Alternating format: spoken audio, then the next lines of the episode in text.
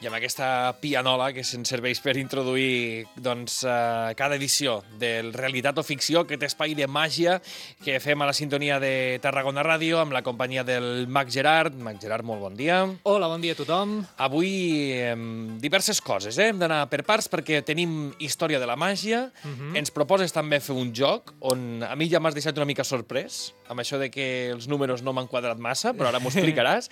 I després acabarem parlant de les novetats amb un blog i també, com no, doncs el Festival Impossible que arrenca aquest divendres eh, doncs això, a la Canonja, no? Vaja, centrat una mica en aquest paratge. Sí, exacte. Aquests són els temes que avui parlarem. Doncs vinga, anem per parts, anem a fer història de la màgia.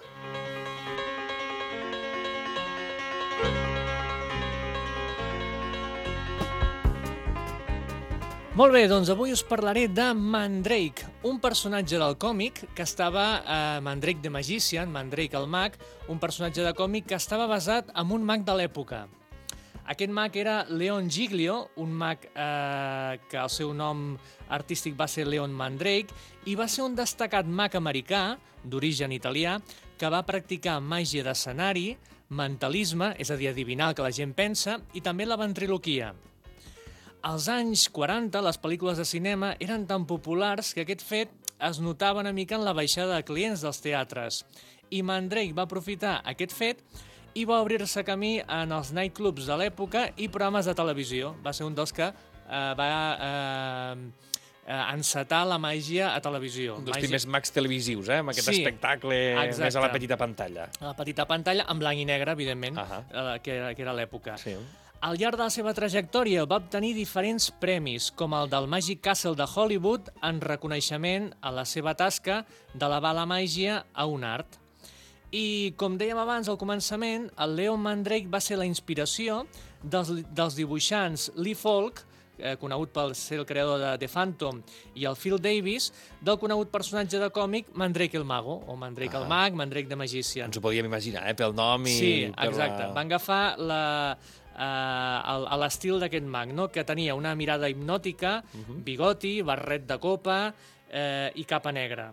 Un dels jocs més famosos de, del Mandrake al, eh, al mag, el, el, eh, no el personatge de còmics, sinó el mag... eh, El mag real, no? El mag real en què estava basat és que demanava un mocador del públic Mm? Uh, aquest mocador col·locava a l'interior d'una botella gegant, tapava la botella amb un, amb un tap, és a dir, estava el mocador completament aïllat de les seves mans i el mocador començava a l'interior de la botella a ballar i es començava a moure, començava a tenir viure, vida. Després eh, treia el tap de, de la botella i sortia volant per l'escenari, l'agafava i li entregava una altra vegada a l'espectador. Molt bé, Era un dels números- Impactant, si més no, no? I tant, un dels números que va fer eh, popular Mhm. a Mandrake. Uh, anem a fer una mica de màgia científica.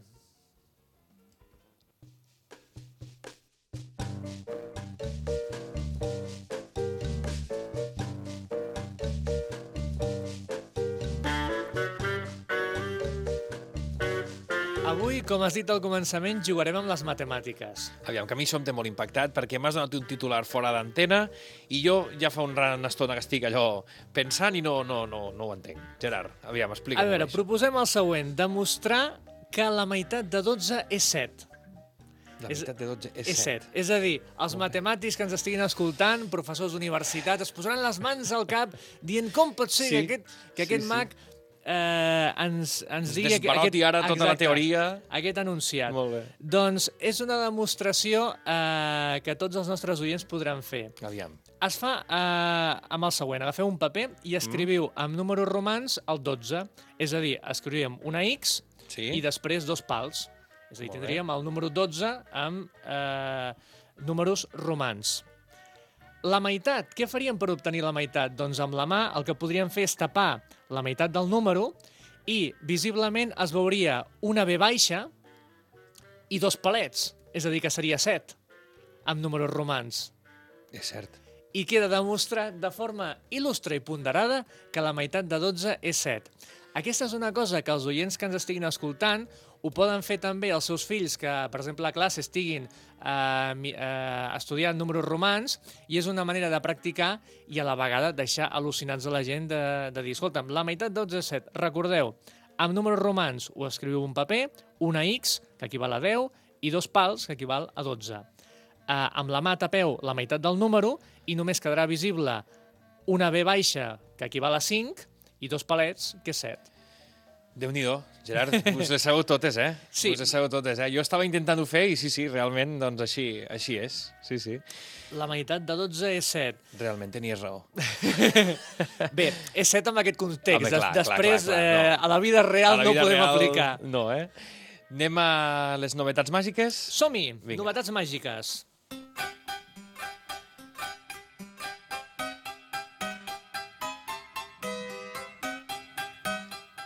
Avui a les, no a les novetats i notícies màgiques parlarem eh, del blog d'un mag. Un mag que vas entrevistar a l'edició del, del Festival Teatre sí, Màgic. és cert, és veritat, sí, sí. És un mag eh, que va vindre al Teatre al Magatzem, un mag que es diu Daniel Orbonès, amb un espectacle molt, molt original que ens va agradar a tots molt i, evidentment, va omplir el teatre i es va quedar gent fora. Doncs ell eh, té un blog que és un dels blogs un dels millors blogs de màgia del món, perquè cada setmana l'actualitza moltes coses, un blog en català, per accedir a través d'internet, doncs mireu, eh, entreu a la pàgina www.magia.cat, és molt fàcil de recordar, Sí. magia.cat, cliqueu la pestanya on posa Diari d'un mag i descobrireu cada setmana eh, eh, hi ha entrades de la història de la màgia, vídeos d'aparicions televisives de mags famosos, tant de l'actualitat, és a dir, per exemple, eh, Chris Angel, Dinamo Anglaterra, que està, que està, que està triomfant també per internet i amb, i amb diferents ca canals privats, com mags eh, de l'època que hem parlat, no? des del Blackstone, eh, eh, etc. No? el Mandrake. A més a més, també explica una mica la relació de la màgia amb la publicitat. Molts anuncis publicitaris utilitzen la màgia com un mitjà per comunicar i ell ens fa cada setmana, doncs, explica una mica recopilacions d'aquest tipus. Un blog, sens dubte, interessant, magia.cat, eh? Obrim aquesta Mhm. pestanya que ens deies i allí trobarem, doncs, això, tota aquesta recopilació de continguts i materials que ens fa el Daniel amb aquest, amb aquest blog. molt, molt interessant i, i, i visualment molt atractiu Mhm. perquè ens penja vídeos, fotografies, eh, en fi, un, un plaer per la vista i, com he dit, un dels millors blogs de màgia al món i, a més a més, tenim la sort que és, és, és en català Sí, i, certament. uh, i ja, ja, està, ja està molt bé. Molt bé. I la novetat estrella de la setmana, Mac Gerard, perquè arrenca aquest divendres, no? La El- vuitena edició, ja són vuit anys, la vuitena edició del Festival Internacional de Màgia Impossible de la Canonja. Hem de dir que és el festival més antic de la província. És el primer que es va crear. És un festival que a poc a poc s'ha anat fent un, un lloc, no només a, a Catalunya si, i a la resta de l'estat espanyol, sinó també a l'estranger. La prova està en què cada any ens arriben propostes de mags de mags d'Europa, mags dels Estats Units, per vindre i participar en aquest festival internacional. Què podrem veure? Doncs mira, aquest divendres, mireu, el divendres fem la Gran Gala Internacional de Màgia, que la presenta eh, una maga, la maga Melí, que és una maga de Madrid. Eh, dins del món de la màgia, doncs, hi ha més homes que dones. Això és veritat. Però cada Sí? vegada més tenim més magues Mhm. i nosaltres portem una dels millors que tenim, que, que ens presentarà, a més a més, el número en el que va guanyar el Premi Nacional de Màgia. El podrem veure i, a més a més, donarà pas a la resta d'artistes. Tindrem des del, des del País Basc el John Zabal.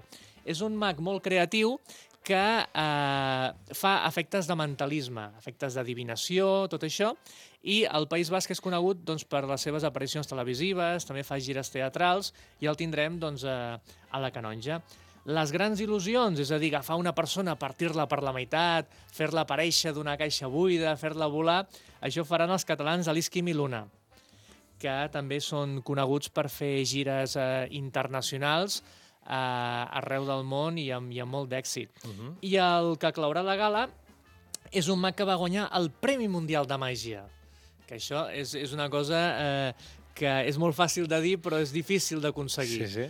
El va guanyar a Blackpool l'any passat, el, el FISEM, la, el festival, eh, bé, el Congrés Mundial de Màgia, i es diu Michel Zaniel, i com hem dit, ve de França i ens presenta un personatge d'un director d'orquestra que li passen tot un seguit de peripècies i imprevistos, però que gràcies a la màgia aconsegueix, aconsegueix tirar endavant aquest concert màgic que ens presenta amb un final molt espectacular que la gent ha de venir a la canonja i, No l'expliquem, eh? Al No final l'expliquem, no deixem, deixem a l'aire. i, i així poder, poder gaudir. Això serà aquesta gala internacional de màgia. Quan tindrà lloc? Eh... Tindrà lloc aquest divendres a les 9 de la nit. Uh -huh. Eh, el preu són 8 euros i aquest any eh, hi ha una venda anticipada que si es contracten dos espectacles, un te les regalen. És a dir.